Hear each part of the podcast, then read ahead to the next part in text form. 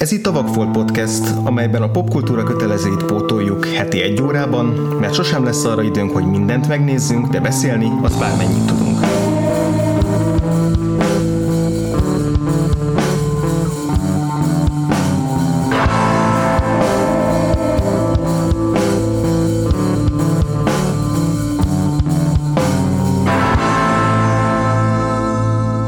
Én Huszár András vagyok.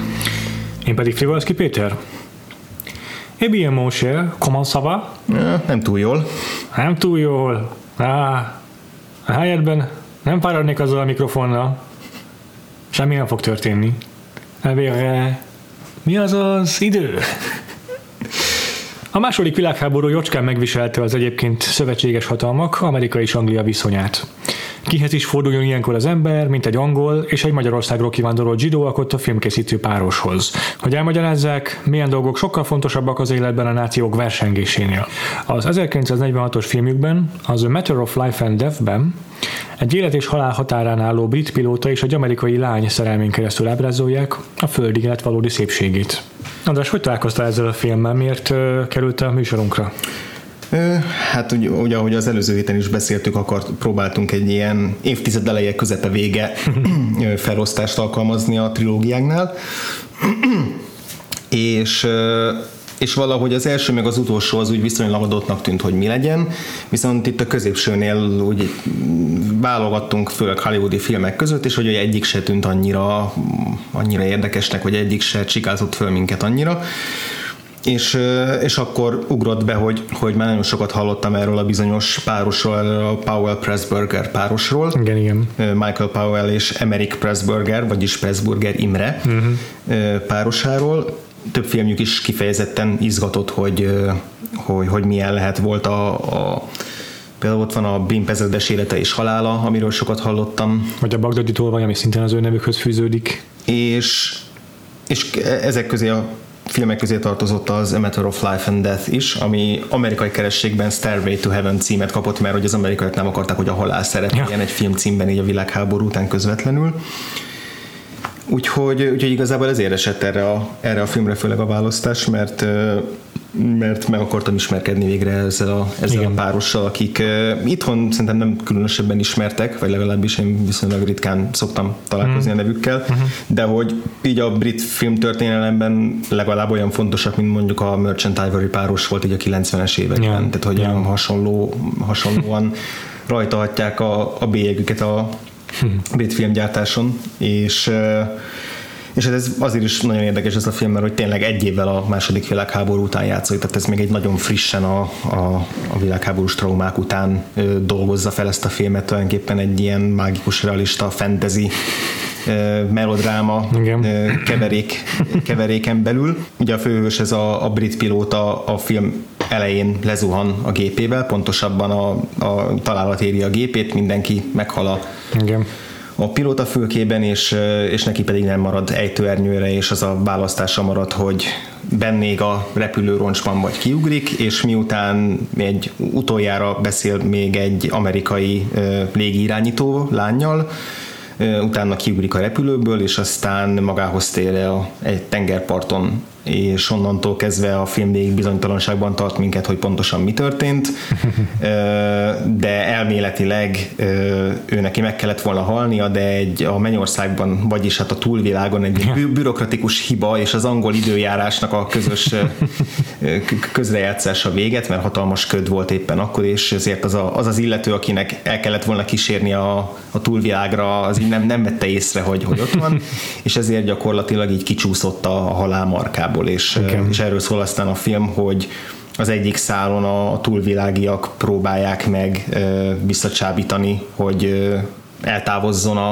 a, erről a világról a főszereplő, és a, a másik szálon pedig az újdonsült szerelmesek próbálnak az életükhöz ragaszkodni.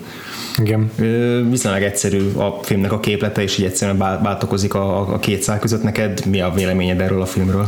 Hát um, kezdjük ott, hogy a története az valóban borzasztó egyszerű, olyannyira, hogy mostanra, tehát így 75 év távlatából, vagy bocsánat, 70 év távlatából Mhm.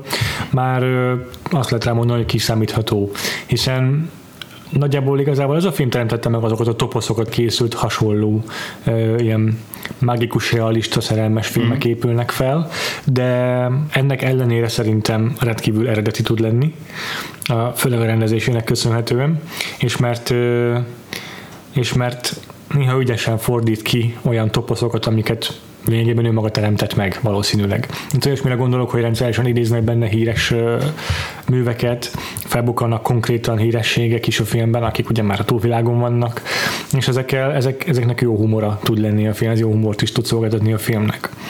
Érdekes egyébként, hogy ugye Pressburger Imre magyar születésű, és a filmet két dolog, amennyire én olvastam, két dolog inspirált. Az egyik az egy, piló, egy brit pilóta, aki valóban túlélt egy repülőgép szerencsétlenséget. A másik dolog viszont valószínűleg Pressburgernek a hatására az a Karinti Frigyes műve, a, a utazás a koponyám körül, uh-huh. amely ugye a szerzőnek a tumoráról szól, és az, az, az azáltal kiváltott halucinációkról. Uh-huh. És itt ebben a filmben pontosan ezzel játszik a, a történet, amit azóta már aztán tényleg rengeteg más filmmel láttunk feldolgozni, hogy hogy nem lehet eldönteni, nem lehet egészen biztosan eldönteni, hogy a szereplőnek az agykárosodása okozza ezeket a meglehetősen élénk víziókat, vagy pedig, vagy pedig ténylegesen megtörténnek ezek. Ráadásul ezt olyan sokáig viszi a dolog, hogy olyan, olyan, olyan messzire megy ezzel a, a, a film, hogy, hogy a film legvégén, most nem akarok nagyon sokat spoilerezni, de ott aztán végképp összemossa a határokat, mert a, jó ügyesen meg itt forgatókönyv lévén a, a, fickó műtétje egyszerre zajlik azzal, ahogyan, uh-huh. ahogyan ítéletet mondanak fölötte a túlvilágon. És ráadásul itt egy színészi kis cserevere is van, amit ilyen filmekben igencsak nagyon szoktak szeretni, amikor nem, amikor nem lehet eldönteni, hogy hogy a jelenetek többsége az a valóságban történt, vagy csak valakinek a képzeletében, és olyankor szokott lenni egy-egy ilyen elrejtett utalás, amit a készítők azért tesznek bele, hogy vagy megkavarják, vagy pedig egyértelműsítsék a nézőben a dolgot, ugyanis van egy szereplő, aki mind a kettő oldalon felbukkan. És mind nem lehet. Igen, és mind a két, mind, mind a két oldalon tulajdonképpen úgymond a döntő bírája Igen. annak, hogy mi lesz a főszereplőnek a sorsa. Igen.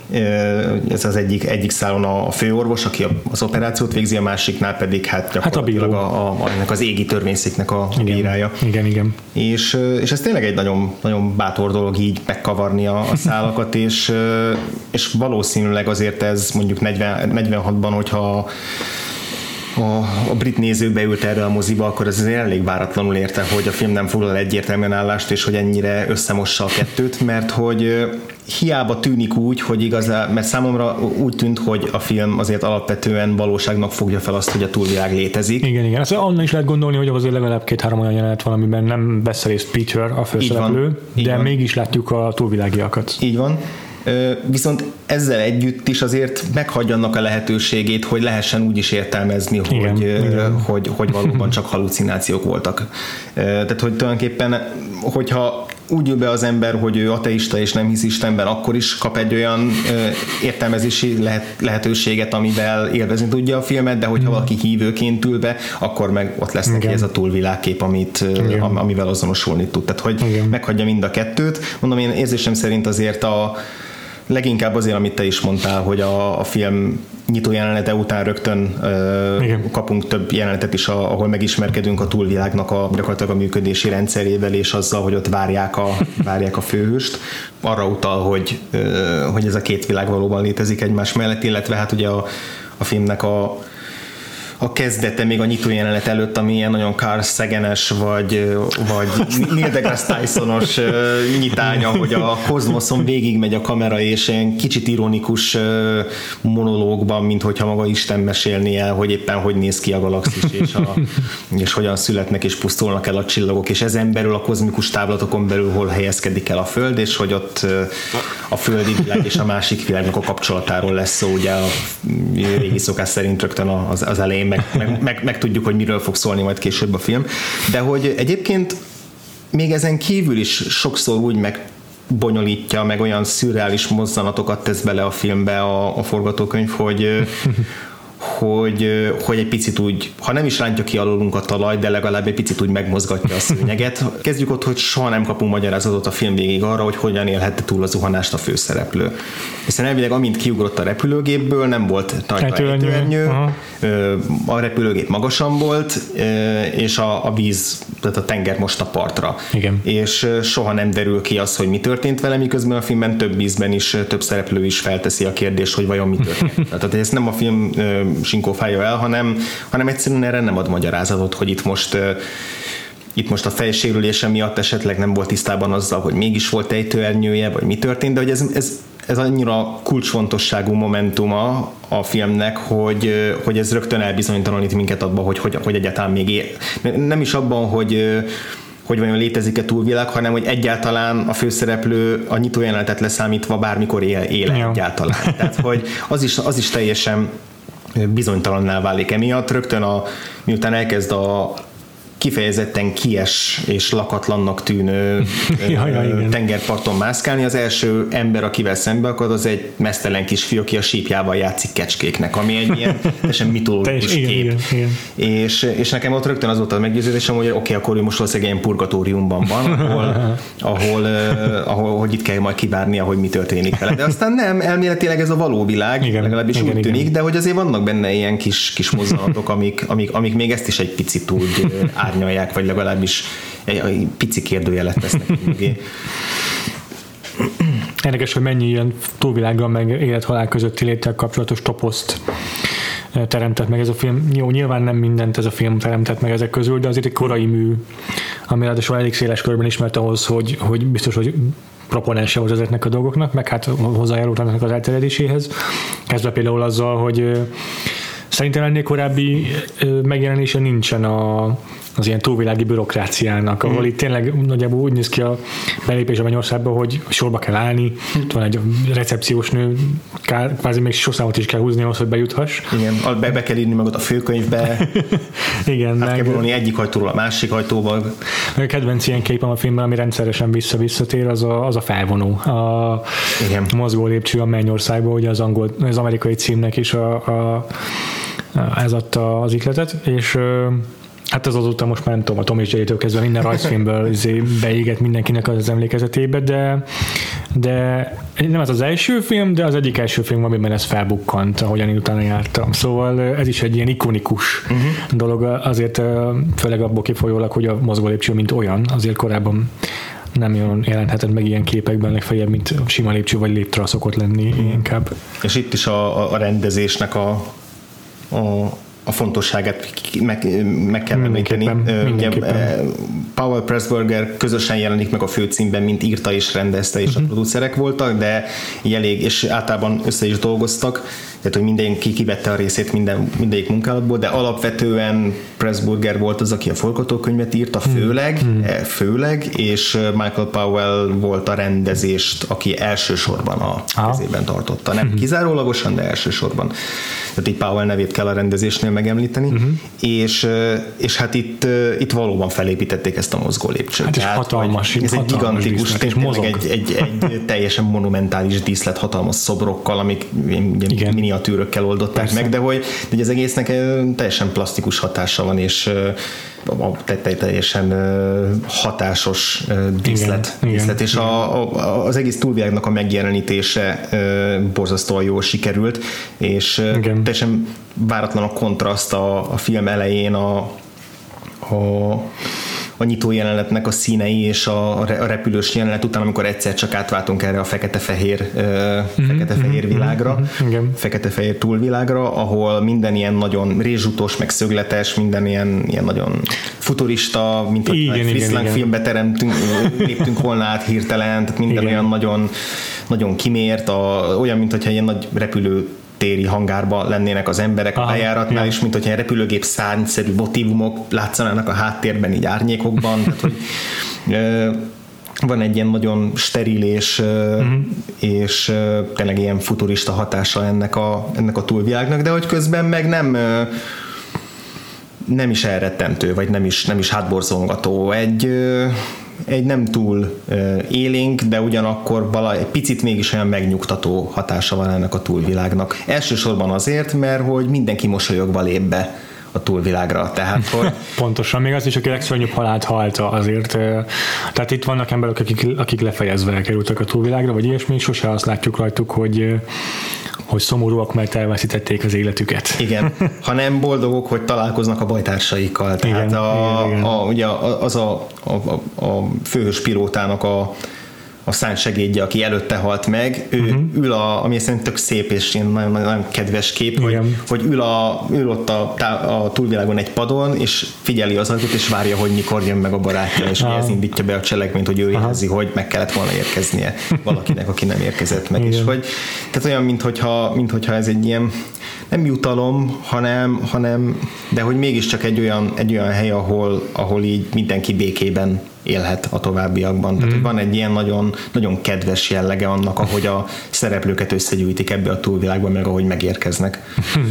Érdekes az, hogy ez a, hogy a túlvilági létet fekete-fehéren ábrázolják, ami aztán egy ilyen visszavisszatérő mozzanata lett, vagy a trópja lett a filmkészítésnek az egyik legismertebb példája ennek, ugye a Wim Wenders féle Berlin felett az ég, uh-huh. csak ott konkrétan az angyalok még a földre leszállva is fekete-fehéren látnak. És azt a film is úgy ábrázolja, hogy felváltva látjuk színesben vagy fekete-fehérben a filmet. És ez tök jó, hogy ez egy ilyen uh-huh. végighúzódó toposz maradt.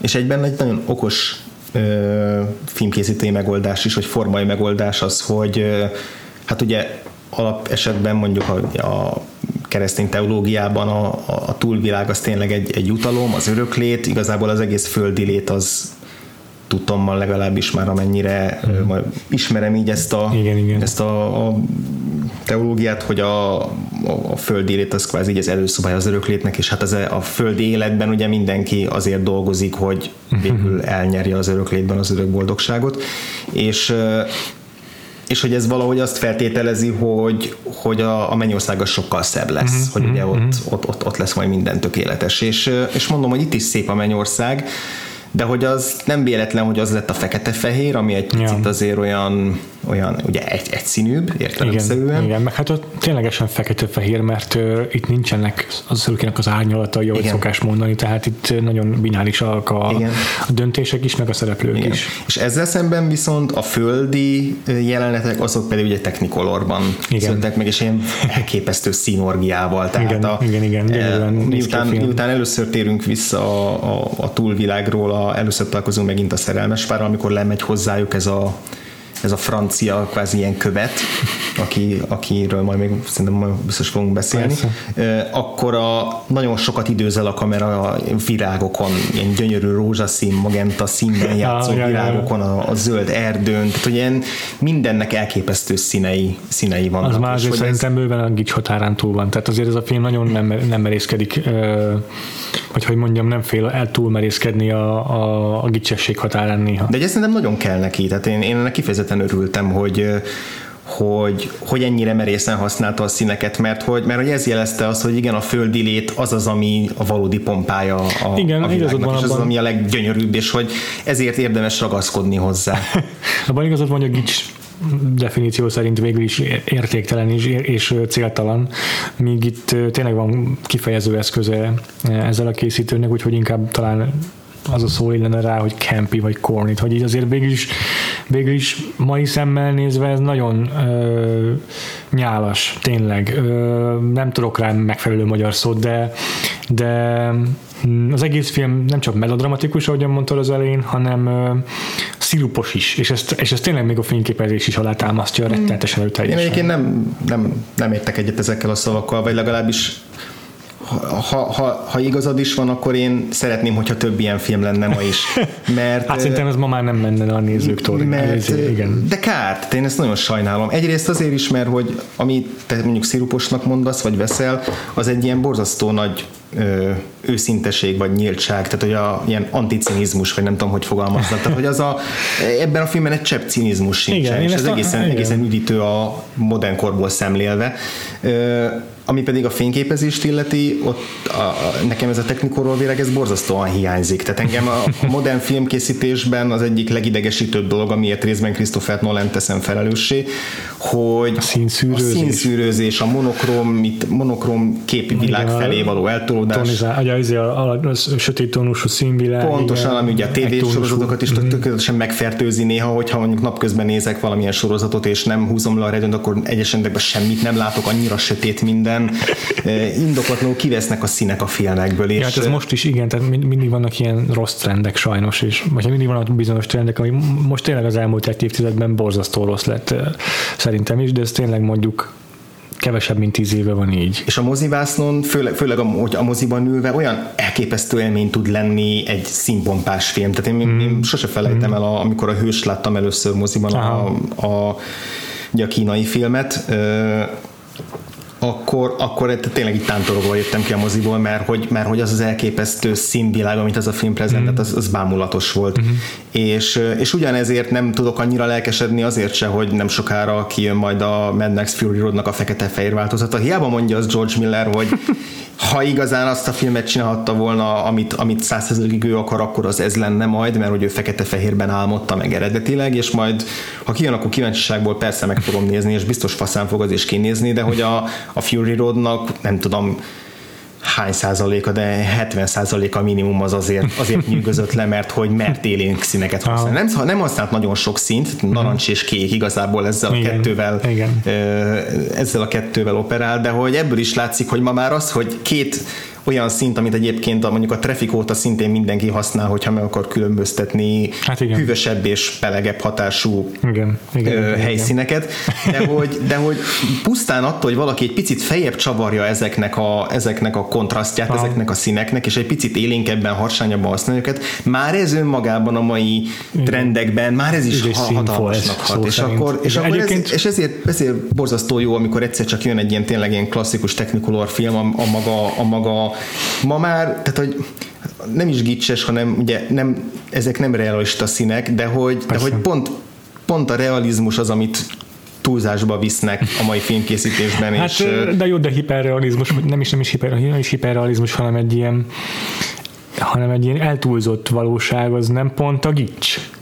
Tehát ami nem tud túl izgalmas lenni ahhoz, hogy hogy, vagy nem tud túl eredeti lenni ahhoz, hogy izgalmas legyen. Nem, nem, mert néha egy film sokkal többet tud elmondani, sokkal igazabb dolgot, dolgot, dolgot tud állítani a valóságról, meg a világról, sokkal több érzelmet tud bennünk kiváltani akkor, hogyha elrugaszkodik a valóságtól. Tehát ez megint egy olyan dolog, hogy hogy nem, a, nem az egyetlen lehetséges uh, attitűd egy filmben az, hogy akkor, akkor ragaszkodjunk ahhoz, hogy minél, minél inkább maradjunk földközeliek, és ne, ne, ne vigyük azt túlzásba. Tehát néha, néha szerintem túlzásba kell vinni a dolgokat a filmben. Néha én borzasztóan igénylem, hogy túlzásba vigyenek dolgokat. Egyébként szerintem a Fury Road ö, azért ilyen harsány meg élénk, mert ö, feltételezem, hogyha azt ö, George Miller tényleg fekete-fehér filmnek szándékozott leforgatni, akkor azt ténylegesen úgy is forgatta le, hogy, ö, hogy minthogyha egy fekete-fehér filmet világított volna be, és hogy fényképezett volna. Mint ahogyan egyébként csinálta a Clint Eastwood az Iwo Jima-s filmekkel, Aha. a két filmmel, mert azt színesen adták ki, de, de ugye, úgy- világította be, mintha fekete-fehér lenne, és ettől adott neki egy ilyen, ilyen retro hatás, hogy úgy mondjam. Mhm. Meg itt is valami hasonlóval játszottak egyébként, mert a fekete-fehér jeleneteket meg itt úgy, vették fel, mintha technicolor jelenetek Igen. lennének, tehát volt egy ilyen, egy ilyen csillogó, ö, fényes hatása ezeknek a, a képeknek, és ezek, ezek tök érdekes, hogy ezekkel is játszik a film. Igen, hát ha jól értelmeztem, a utánolvasásom alapján akkor Technicolorból szívták ki a színeket Aha, a fekete-fehér aha. jeleneteknél, Aha. és azért van más hatása, mint egy standard fekete-fehér filmnek a Igen, korból. igen, igen, igen. Szóval én, úgy, én, én azért úgy gondolom, hogy értem a, a, a rendezők szándékát Mhm. ezzel, de, de ezt a filmet tényleg csak 1946-ban tudom elképzelni, azt úgy értem, hogy, hogy ez egy korszaknak a filmje, amely, amely sokkal nehezebben állja ki ebből kifolyólag az idő próbáját, szerintem, és ez az a film, amire tényleg azt lehet mondani, hogy hogyha 1990-ben születtél, és még sosem láttál magadnál öregebb filmet, akkor, akkor ne ezzel kezd. Tehát ehhez, ehhez már szokni kell szerintem a, a a klasszikus hollywoodi filmeket, mire az ember odáig eljut, hogy ezt megnézhesse, úgyhogy tudja is értékelni. Mm. Nem csak a, a, a képi világ miatt, de akár a, a párbeszédek, tehát a forgatókönyv miatt is. Nem tudom. Én inkább belököm az embereket a verembe, vagy a, a mélyvízben, a kerestem megfelelő metaforát, tehát Szerintem nem kell annyira félni a régi filmektől, tehát hogy persze teljesen más a, más a hatásuk, máshogy kell máshogy viszonyulunk hozzájuk, Igen. és mondjuk ma nagyobb szakadékkal nézünk egy 40-es évekbeli filmet, mint mondjuk 1970-ben vagy 80-ban néztek, mert sokkal több minden változott meg azóta pont a 70-es éveknek az ilyen nagy, mondjuk, hogyha most a hollywoodi filmeket nézzük, bár ugye pont brit filmekről van szó, ez nem annyira jó párhuzam, de hogy de tényleg annyi minden változott az, az eltelt időszakban, hogy, hogy ezért persze teljesen, teljesen más, hogy hat, hatnak ezek a filmek, de hogy de hogy úgy arra kezdek így rájönni hogy az utóbbi időben, hogy nem kell ennyire tartani mondjuk a melodrámától, vagy a, ahogy te fogalmazol a gicstől. Tehát, hogy, Jó, de szerintem ez... De hogy persze azt mondod, hogy mai, mai szemmel ezt, ezt nem lehet elfogadni, vagy nem lehet, vagy ezt csak úgy lehet szemlélni, hogy ez egy régi kornak a, nem tudom, pillanatfelvétele, és hogy ez, ez akkori, ott, ott, ott régen megvan Borostyánban, de hogy nekünk igazából nincs közünk hozzá, és ilyen tárlatként nézzük, de szerintem ez... Igen, én így gondolom. De szerintem, szerintem ez meg, ez meg tehát szerintem kell lennie bennünk annyi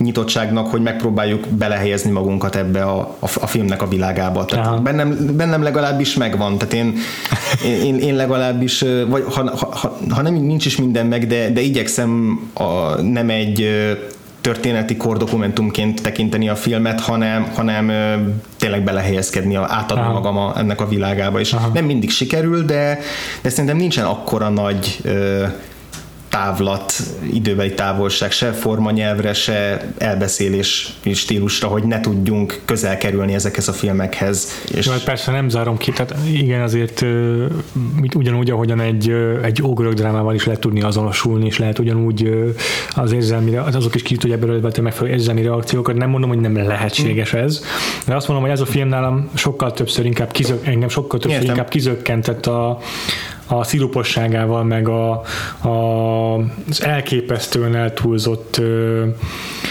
drámájával, és hogy nem a, azt a drámát értem, ahol, ö, ahol a karakterek ö, egy ö, győzelmes pillanat után mm. rántodnak a vesztes pillanatban, hanem, hanem ahogyan például a doktor fogalmaz, amikor a védőbeszédét tartja, és mm. ott tényleg ott aztán, hogy is mondjam, erre is van egy kitűnő angol szó, amire nincsen megfelelő magyar, de hogy így nem fogja magát vissza egyáltalán semmelyik színész.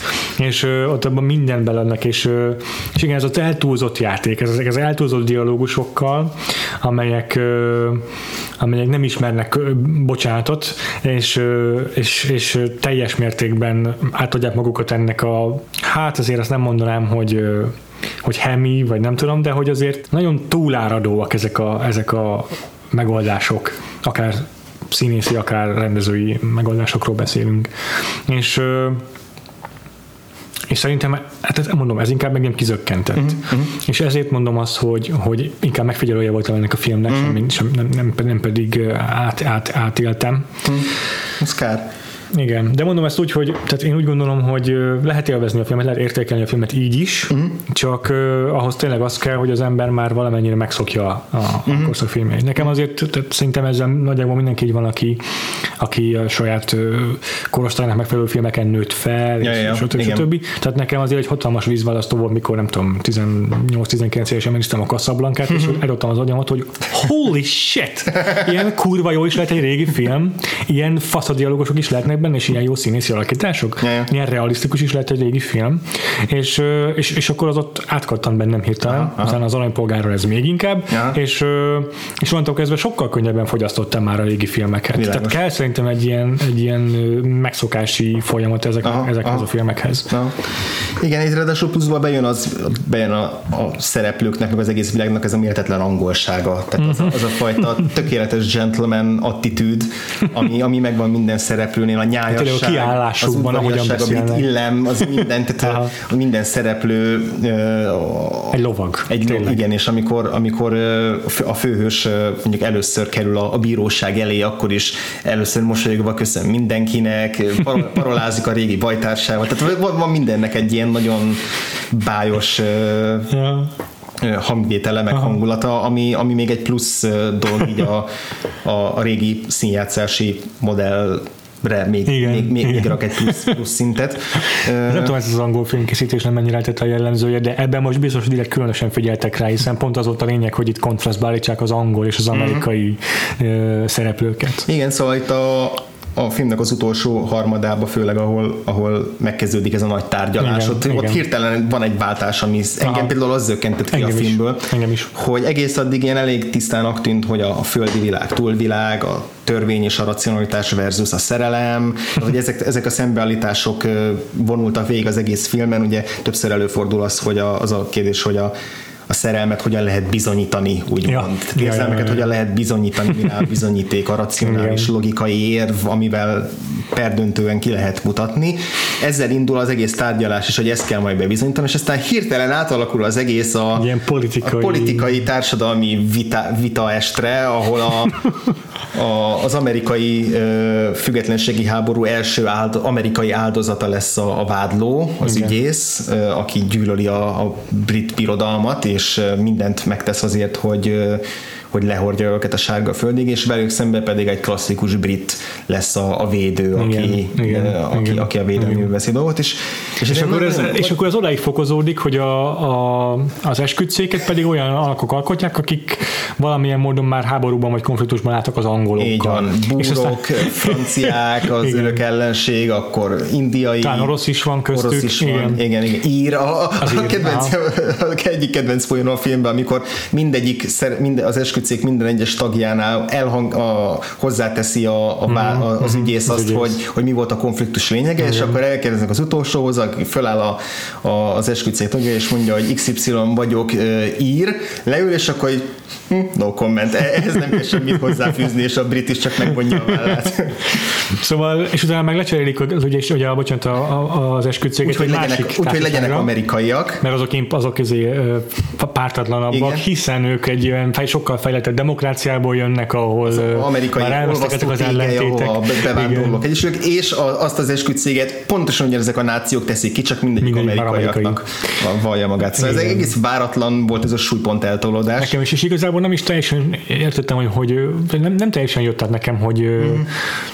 a célját nem hiszem, hogy elérte ezzel a, ki- a, a két rendező. Pedig az az érdekes, hogy ez volt a harmadik olyan indok, ami a film megszületéséhez vezet, hogy az első kettőt említetted az adás elején. A harmadik az volt, hogy a brit, hát nem tudom, a kormány részéről volt egy olyan, vagy a, a, a stúdió vezetők részéről volt egy olyan igény, hogy hogy ezt a, ezt a brit-amerikai feszülté váló viszonyt a filmeken keresztül Ja. is próbálják kvázi ilyen propagandaszerűen Ja. javítani, hogy a, az amerikaiak, amikor amikor ugye eleve későn szálltak be a háborúba, egész Igen. addig a, a, az angolok viselték a, a nagyját a, az erőfeszítéseknek, ebből volt egy, izé- egy ilyen neheztelés, akkor, amikor az amerikaiak ott a Szigetországon állomásoztak, akkor is mm. csomó probléma született ebből, és akkor ezt akarták valahogy, valahogy ellensúlyozni, hogy, hogy, hogy de mi akkor is szövetségesek Igen. vagyunk, Igen. és hogy ez volt a filmnek a kiinduló pontja, és tehát, hogy lehet, hogy most ez ilyen nagyon töménynek tűnik a film végén, lehet, lehet, hogy sokkal töményebb lett volna egész végig, csak, a, csak még az elején a Pressburgerék váltottak egy másik más Igen, témákra, és igen, ennyi maradt igen. meg az eredeti szándékból. De, de mindenképpen furcsán hat a filmben, annak Nekem is. ellenére, hogy végül is nem a, a derültékből jön ez a jelenet, mert a Mhm. Uh-huh. túlvilágban az egyik első jelenetek egyikében már van egy olyan poén, hogy amikor megérkeznek a, tudom, a brit légierő tagjai, a gyalogság tagjai, és akkor megérkeznek az amerikaiak, és az első dolgok az, hogy oda mennek a Coca-Cola automatához. Tehát, hogy már ott is van egy ilyen pici odaszúrás, meg egy pici ilyen naív jellemzése az, hogy milyenek az amerikaiak, meg mi- milyenek a britek, de hogy, de hogy igazából a film nagy része az nem erről szól, Mhm. és azért is furcsa, mert ugye a tárgyalásnak se erről kéne szólnia, Igen, hanem a, igen.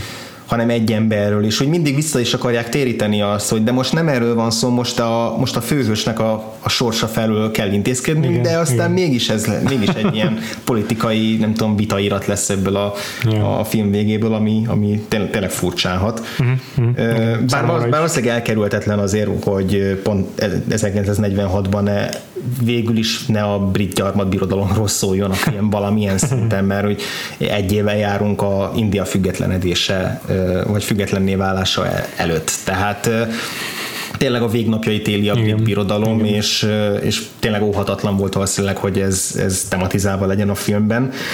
Ö, És azért vannak benne olyan elemek, amik ezt támasztják alá, például az, hogy a, a, amikor mutatják a tömegjeleneteket, ami egyébként tök jól néz ki, Úristen, tehát hogy viszontosan jól néz ki, amikor a, a karzaton ülőket mutatják, és minden, minden ö, stripben ö, faltól falig ugyanolyan ruhában ülő csoportokat mutatnak, és, ö, és ott, ott aztán minden náció megmutatkozik.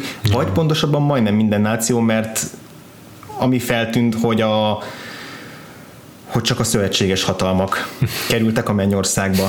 Tehát a tengelyhatalmak közül se japánokat, se németeket nem látni senkit. Ugye odáig Persze. azért még nem terjed ki ez az inkluzivitás, Azért nagyon meg ez az empátia, az. ahhoz még korábban, hogy hogy a, a háború szemben álló feleit is összebékítsék, de Tudod, mi volt szerintem nagyon vicces, hogy mindenki a munkaruhájában van odafönt. Tehát a katonáknak tényleg az a legkényelmesebb viselni valójuk.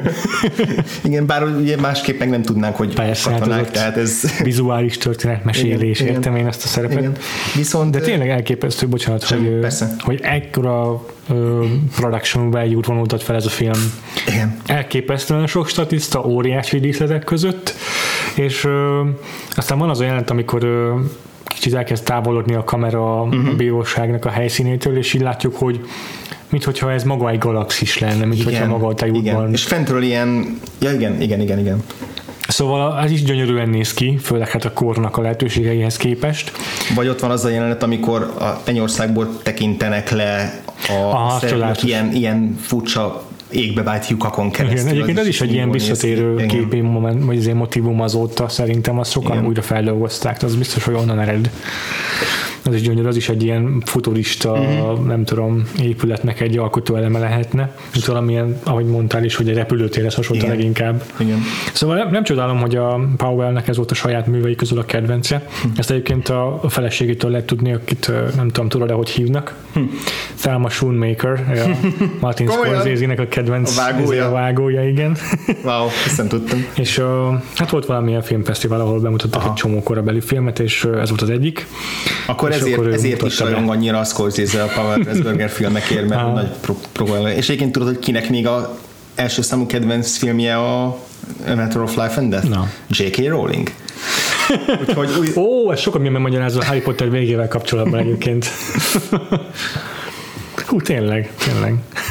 Még ami így a, ugye a valóságokra vonatkozik, hogy, hogy tényleg a rögtön a filmeim van egy, ez a kozmikus lépték, és aztán közelítünk rá a Földre, Mhm, mm-hmm. és, hogy, és hogy többször is játszik egyébként ezzel a, ezzel a ilyen valóság különböző szintjeivel a Földön belül is, tehát hogy például ott van a, a falusi doktor, aki kezelésbe veszi a, Igen, a főszereplőt, és és ha vele, amikor először találkozunk, akkor a, ugye ezen a, a, egy ilyen kamera obskurán keresztül figyeli a falusiaknak a, a tevékenykedését, ilyen, ugye, ilyen izé, ö, speciális, ö, nem tudom, térfigyelő ka- kamerán keresztül szemlélődik, és, és nagyon hasonló szögből mutatják egy ilyen absztrakt fekete háttérrel, két kutyával, ahogy, ahogy így forgatja ezt a, ezt a kamerát a, a faluban, és figyeli a falusiaknak a, a tevékenykedését és kommentálja, mint hogyha egy Istent látnánk, aki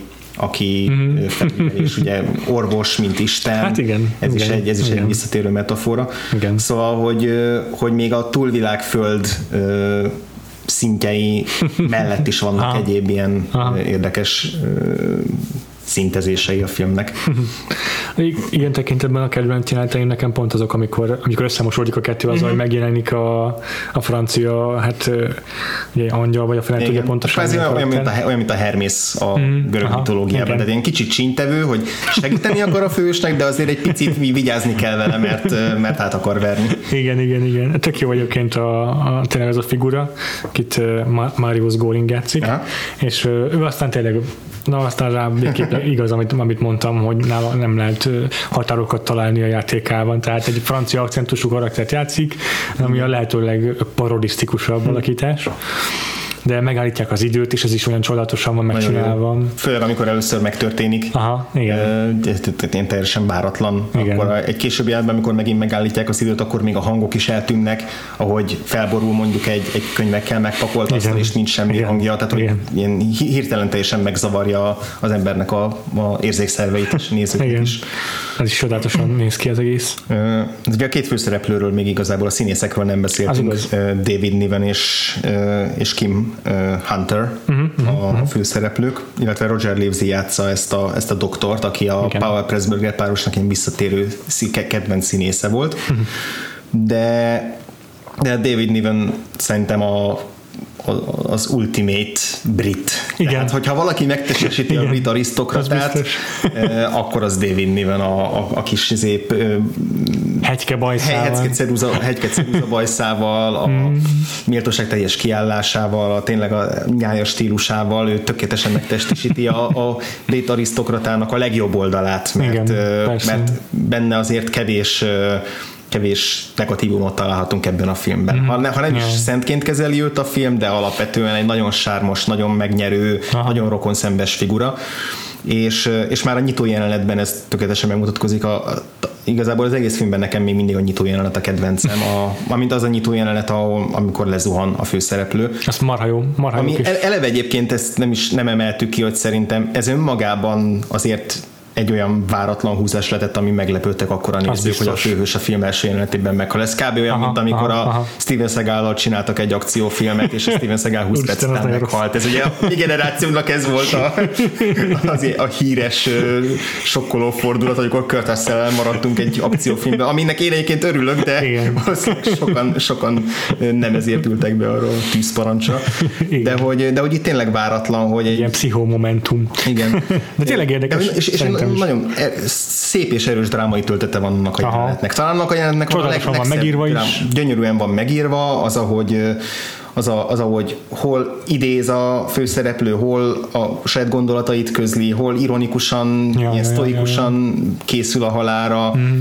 Ugyanúgy a másik félnek Kim Hunter is nagyon-nagyon szépen játszik. Gyönyörűen van ott meg, izé megvilágítva Igen. A- az, hogy ho- mikor van árnyékban az arca, és, és mikor, mm. mikor van megvi- Ja, ja, ja. fényben megvilágítva. Szóval nagyon-nagyon szép, már annak ilyen túlvilági atmoszférája van annak a jelenetnek. Baromi jó a repülőgépnek a díszlet belseje, háttérben Mhm. a tűzzel, tehát hogy az egésznek egy nagyon-nagyon-nagyon markáns és erős Én egy ideig azt hittem, hogy az egész film, vagy a filmnek a nagy része ott fog játszódni. Bennem is felmerült, bennem is felmerült, igen. És uh, olvastam, a Diszóban volt egy beszélgetés, volt egy rovat, ahol híres, hát rendezőket, írókat, személyeket kérdeztek meg, hogy mi volt egy olyan film, amilyen nagy, igazából nagy hatással volt. Uh-huh. És a Matt Fraction, uh-huh. aki az egyik kedvenc Mhm. Igen, képregényszerzőm, ő, őt kérdezték, és ő, a, ő ezt a filmet nevezte meg. Wow. És ő mondta azt, hogy, hogy neki a filmtörténet kedvenc cute-ja az ez a nyitó Aha. jelenet. Tehát, hogy en, ennél szebb romantikus Aha. megismerkedést azt ő még, azt ő még semmiben nem Ez látott. csak igaz. David Nivenről egyébként ahogy így gondolkoztam, hogy én miben láttam még korábban, én rendre összekevertem az Alec Guinness-szel. Mármint, hogy le, volt legalább három olyan film, amiről meggyőződésem volt, hogy ez a David Nivennek a híres filmje, és aztán rájöttem, hogy nem, nem Wow. az Alec Guinness volt. És, és aztán meglepődtem, hogy viszonylag kevés, kevés dolgot láttam Igen. David Nivennel alapvetően. Viszont, viszont még jobban meglepődtem azon, hogy Kim Huntert viszont több filmben is láttam. Tényleg? Nekem tökre nem volt ismerős. mert hogy egyrészt ő volt a, a klasszikus vágyvillamosában a, a, a Stellát Oh. játszotta a Marlon Brando féle verzióban. Óha. Viszont ahon, ahon, amiből igazán emlékszem, a Majmok bolygója klasszikus filmekben ő volt a Dr. Zira, tehát ő Ó, volt a, ugye a női főszereplő. Úgyhogy, úgyhogy ez, ez, egy, ez egy kellemes meglepetés volt, hogy ott még másonnan is ismertem, de szerintem mind a ketten jók voltak, tehát persze, igen, ez tényleg le, lehet akár időzőjelbe tenni, hogy, hogy úgy kell leülni, hogy ez egy régi színjátszási stílusnak a, Persze, igen, a, igen, így van. Ez a, ez a igaz. de, de, de mind a ketten nagyon szépen és nagyon, nagyon kedvesen játszottak, és, és amennyire tényleg melodrámába illően egyáltalán nem valósághű az, hogy gyakorlatilag egy másodperc alatt halálosan egymásba szeretnek, de hogy, de hogy mind a ketten eladják ezt a Elhisszük szerelmet, nekik. tehát elhiszük Igen. nekik, hogy tényleg, tényleg egymás számára ők lettek a legfontosabbak, Igen. és nem csak azért, mert hogy ez kell ahhoz, hogy a történetnek súlya legyen. Igen, igen, igen. Ez egy nagyon hatékony történetmesélés, és nagyon jó a színészi játék abban a jelenetben, tényleg azt példa, példa nélküli. És igazából nekem az egész filmben ez a, ez a kedvesség a legrokon szembesebb, ez az ilyen nagyon, nagyon mély humanizmus, amivel a szereplőkhöz viszonyulnak, az élet szeretetéhez viszonyulnak, ahhoz, hogy a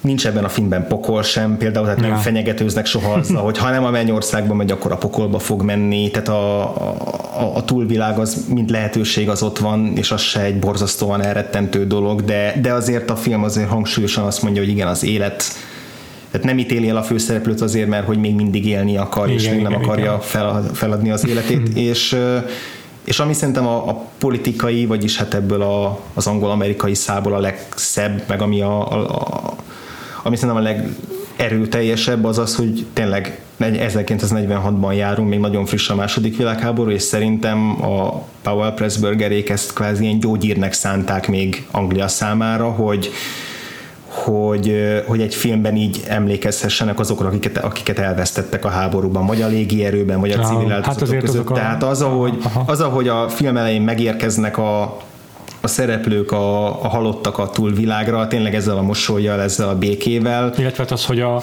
az élethalál, illetve hát szerelem kérdéséről szóló tárgyaláson felvonul az összes katona, Igen. és az összes ápolónő, és az Igen. összes ö, ö, nem tudom, rádiós, aki ott volt a háborúban, és az életét veszítette mindenki, és megtöltenek egy galaxisnyi termet, igen, az rendkívül, rendkívül kifejező. igen, igen. Egyetértek azzal is, hogy, hogy bár nagyon vallásos a film témája, ugye sosem hangzik el konkrétan se a mennyország, se Mhm. Nem, semmilyen nem, nem. konkrét ö, kereszténységetet utalás, legfeljebb, hogyha idézetben van. igen.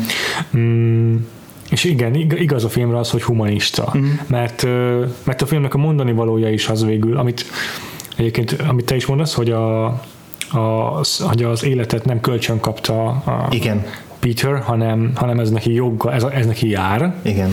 ez egy nagyon fontos mondani valója az őt védő Reeves a doktornak, illetve hát a, a legutolsó mondat, amivel a tárgyalás végül lezárják, az az, hogy, hogy az univerzum törvényei mindenek fölött állnak, de a Földön mégiscsak a szerelem a legfőbb törvény. hogy végül is, végül is ez is egyfajta humanista kifejezés akar lenni, mert lehet bármilyen égi hatalom, de, a, de az ember akkor is tudja özedelmeskedni. Mindenképpen. I'm in heaven, and my heart beats so that I can hardly speak. And I seem to find the happiness I seek when we're out together dancing cheek to cheek. Heaven, I'm in heaven. And the cares that hung around me through the week seem to vanish like a gambler's lucky streak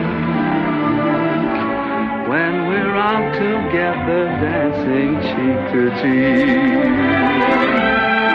Oh, I love to climb a mountain Nem maradt más hátra, mint a kitekintő rovatunk, amelyben a filmünk témájához szegről végről kapcsolódó top listát állítunk fel. Uh-huh. Mind a hárman, mind a ketten három-három jelöltel.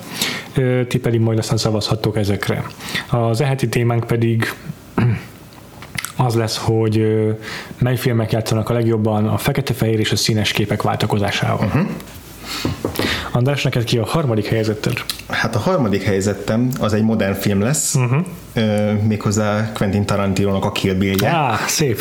a Kill Bill-nek az első része, Ö, ami, ami egyébként szintén egy nagyon jó példa lenne arra is, amiről az adás közben beszéltünk, hogy mennyire fontos az, hogy, va, hogy vagy mennyire fontos legalábbis számomra az, hogy élénk színek legyenek a filmben, vagy mennyi, nem is az, hogy mennyire fontos, hanem mennyire nagy élmény tud lenni, mert hát abban a filmben is tényleg topzódunk a, a, Ja. a rendkívüli erős színválasztásokban. Igen, igen. És aztán van egy olyan jelenet, ahol hát abban a filmben tényleg Tarantino szokása szerint a mindenféle ihletését és inspirációját és zsáner kedvencét összemixeli, tehát anime jelenettől kezdve westernig minden van benne. És az egyik a legvéresebb jelenet a filmben, amikor, amikor a főhősnő, ugye Uma Thurman gyakorlatilag végez egy, egy hát nem tudom, legalább száz ellenféllel. A, a Lucy Liu-nak a, a főhadiszállásán, és hát ugye elméletileg azt a jelenetet azért kellett fekete-fehérbe forgatnia, mert hogy a cenzorok kiakadtak volna, pontosabban azt, azt mondták volna, hogy nem, ez annyira brutálisan véres lesz, hogy ezt, ezt nem mutathatjuk meg, ez túl véres lesz, és akkor ezért döntött fekete-fehér mellett. Nem tudom, hogy ez mennyire igaz, Ah, mennyire csak anekdota, le azt is, azt is el tudom képzelni, hogy ez tényleg egy tudatos rendezői szándék volt, de az biztos, hogy ott, hogy ott a vérben való tapicskolást és a, a fröcsögést az fekete-fehérben oldja meg, és, és szerintem nem válik hátrányára a filmnek. Ezért, ezért választottam ezt, mint egy, mint egy abszolút modern példát. Aha. Nálad mi a harmadik? Az én harmadik helyzetem John Carpenter They Live című filmje, uh-huh. amiről mindig azt mondják, hogy méltatlanul alulértékelt, meg ilyesmi, de valójában most már akkora kult sikernek örvend az elmúlt tíz évnek köszönhetően, vagy főleg az elmúlt tíz év alatt, ami az elmúlt tíz év alatt alakult ki, hogy nem lehet róla azt mondani, hogy ne lenne vagy közismert, vagy alulért, hogy, hogy, hogy ez ne lenne megfelelőképpen értékelt. Ö, abban a filmben, amikor a főhős felveszi a valóságot, valójában megmutató szemüveget, akkor látja azt fekete-fehérben, uh-huh. amely azt hangsúlyozza ki az a rendezői szándék ezzel, hogy ott tényleg a valóságot fogja látni, annak a fekete-fehér valóságában, úgymond. Aha. És, és ez egy ilyen tök egyszerű kis hatás, meg egy nagyon egyszerű effektus igazából, de már csak azért sem, hogy az erre a listáról, mert, mert tényleg egy ilyen kicsit guilty pleasure, kicsit meg tényleg nagyon imádott film számomra a Daily, és nem tudom, neked megvolt-e a film, de, de ha nem, akkor ezt fel kell vennünk a Vakfolt Podcast listájára, mert én, én, én imádnék róla beszélni. Mindenki, én nekem Carpentertől ez a film még pont kimaradt, Aha, jó. be fogjuk időzíteni valamikor. Mi a második helyzettel? A második helyzetem azt szerintem a leg ö, elcsépeltebb válasza erre a kérdésre, de, de azért úgy éreztem, hogy ez, ez, ez nekem is elég fontos ahhoz, hogy helyet kapjon, ez pedig a klasszikus Óza csodák csodája. Ah, aha. Egyébként nagyon sok mindenben hasonlít erre a filmre. Ott is a, ott, ott ugye pont megfordul a dolog, mert a fantáziavilág lesz a színes, a, a színpompás, és a, az úgymond földi valóság, a vidéki amerikai valóság az a fekete-fehér, uh-huh. ahogy indul a film, és amint átkerül amint átkerül a, a, a fanta- földjére, a Óz, Óz, amint átkerül igen Óz birodalmába, birodalmába. Ö, akkor, akkor hirtelen megjelennek a színek, és hát ez tényleg az egy, a, talán a leghíresebb Aha, ja. fekete-fehér színes váltás a film történetben, és ö, És ott ott se egyértelmű, hogy akkor most meg is történtek-e vele ezek a dolgok, vagy sem. így van, így van, igen, igen, de, de az biztos, hogy, hogy a, ennek a fantázia világnak a sikeréhez nagyban hozzájárult az, hogy, hogy a, a, a sanyarú ö, paraszti életet, vagy vidéki, vidéki hmm. élethez képest hirtelen teljesen kiszínesedett minden, annak minden veszélyével és, és rettenetével együtt is, de azért azért a piros cipő, meg a sárga út, meg a smaragdváros azért nem véletlenek a, a, a, a, a színek szerepelnek már a, a híres megfogalmazásokban, a kifejezésekben is, ezt láttatni kellett valahogy, és, és ezt nagyon jól megoldotta ez a film, úgyhogy ezt tényleg nem hagyhattam ki. Aha. Az én második helyzetem meg az Óza csodájának a, az orosz megfelelője. ne, ez kicsit túlzás, de a Stalkerre gondolok. Aha. Ebben a valós... Ott is a, a valós világ, az fekete-fehér, és amint belépnek a főszereplők a zónába, hirtelen egy ilyen nagyon hosszú vágás nélküli snitben kiszínesedik a világ, és hát így ezzel mutatja be a film, hogy a, a zónában bármi megtörténhet, mm. hogy lényegében az egy ö, ilyen földön túli valóság, ahol akár még a vágyaink is valóra válhatnak, és, ö, és nem olyan mesebeszerű, mint a, az Óza csodák csodája, de lényegében abban hasonlítanak, hogy, ö, hogy, ö, hogy a két világ meredeken éles kontrasztban van egymással, uh-huh. és, és ezt ilyen vizuális eszközökkel is bemutatja ezúttal ugye a rendező Tarkovsky. Neked mi az első helyezetted? A, hát az első helyezettem az pedig szintén egy olyan válasz, ami valószínűleg sok hasonló listán előfordul, ez pedig a Pleasantville a 90-es évek közepi Uh-huh. ö, Ja, igen, igen, igen. film, Toby Maguire-rel a főszerepben. Uh-huh. Ebben a filmben ö, Toby Maguire szintén két világ között lép át, amikor, ö, amikor a, a színes valóságból, ami mégis valahogy fakónak tetszik, meg valahogy nem az igazi, valahogy cinikusabb, sötétebb, érzelemmentesebb, bekerül egy tévés szitkom világba, gyakorlatilag egy régi tévéfilmnek vagy tévésorozatnak a világába, és fekete-fehérré válik Aha. ő maga is. Úgyhogy érzékeli, hogy ő most fekete-fehér lett, és ö, ugye a, hasonlóan, mint a Vissza a jövőben, a, amikor a modern világból kerülünk vissza egy, egy ráadásul ez pont egy 50-es években játszódó fekete-fehér ö, tévéfilm, amiben visszakerül, tehát mm. ugye a, még az időbe is visszacsöppen, és akkor egyrészt a, ennek, ennek hangsúlyozzák így, hogy a kultu, kulturális szakadékot, meg ebbe, ebből vonzanak humorforrásokat, de a film lényege igazából az, hogy hogyan döbben rá ő maga is arra, hogy, hogy mik a fontosak az életben, meg hogy az érzelmek fontosak, és hogy hogyan szabadítja föl ennek a fekete-fehér világnak a lakóit, és hogyan viszi bele, varázsolja bele a szín, csempészi Aha. bele kívülállóként a színeket ebbe a világba.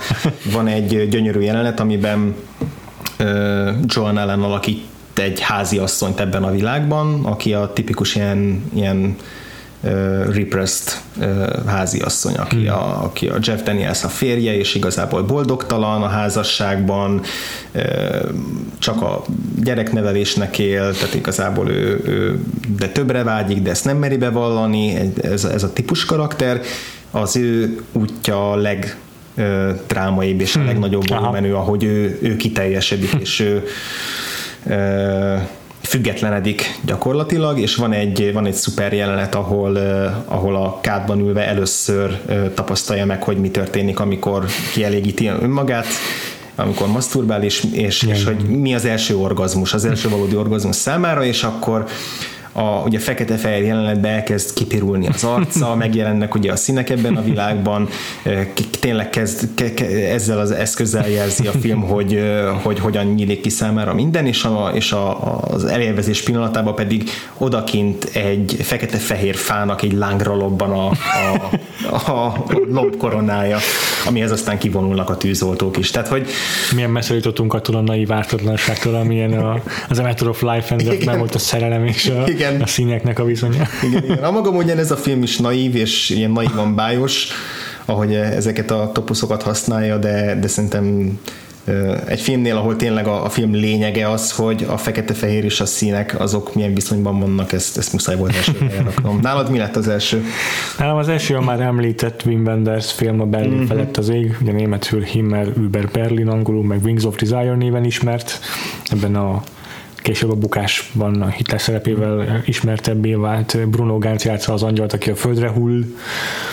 Az amerikai remake-ben ott azt hiszem Nicolas Cage Igen. játszotta a City of Angels-ben, és és hát ez az abban a film, amiben a, az angyalok fekete-fehéren ilyen tapasztalják a valóságot, mert számukra ö, nincsenek élvezetek, számukra nincsenek földi örömök, mint a színek. Uh-huh. És, ö, és itt, itt szeret bele egy nőbe, úgyhogy itt elég sok a párhuzam igazából ezzel a Matter of Life and Death-fel is ilyen értelemben, mert a szerelem és a túlvilág ismét harcba kerülnek, hogy mond, vagy hát ellenmondásba kerülnek, mm-hmm. amelyek fel kell oldódni a film végére. Nagyon szeretem azt a filmet, ez egyik ilyen első idézőjelbe téve művészfilmes élményem. Tehát egy olyan film, amely nem éppen kereskedelmi uh-huh. sikernek gyártott, gyártódott, és, és rám nagy hatással volt, és, és valószínűleg ennek többek között ennek is köszönhet, hogy itt ülök. ja, azt nagyon szerettem, és Wim Wendersnek a filmjeit is tökre bírom. Úgyhogy ez a hat jelöltünk. A weboldalunkon a vagfoltpodcast.hu-n tudtok szavazni, amennyiben egyetértetek velünk, vagy ha nem, akkor kommenteljetek ugyanide. A Facebookon találtok meg bennünket a facebook.com per podcast alatt, illetve Letterboxdon a Vagfolt címkét használjuk alkalmanként. Igen. De egyébként meg sok más filmről is szoktunk oda azért írni, úgyhogy Magfoton kívül, és érdemes ott minket azért követni. Hm? Téged hol találnak meg még ezen kívül a hallgatók, András? Még megtalálnak a Twitteren, sőt leginkább ott találhatnak meg a Gains aláhúzás felhasználó név alatt g a i n e s aláhúzás. Az én felhasználó nevem pedig Frivu, f r e e v u iTunes-on továbbra is fent vannak az adásaink, minden adás felkerül oda, ott is ö, soha nem jut eszembe magyarul a rating and review, de Értékelni. érték, köszönöm szépen, értékeljetek minket az iTunes-on is, hogy Nagyon-nagyon hálásak feljebb kerüljünk a, a magyar podcasteknek a listáján, és minél többen hallgassanak minket, ez egyetlen célunk.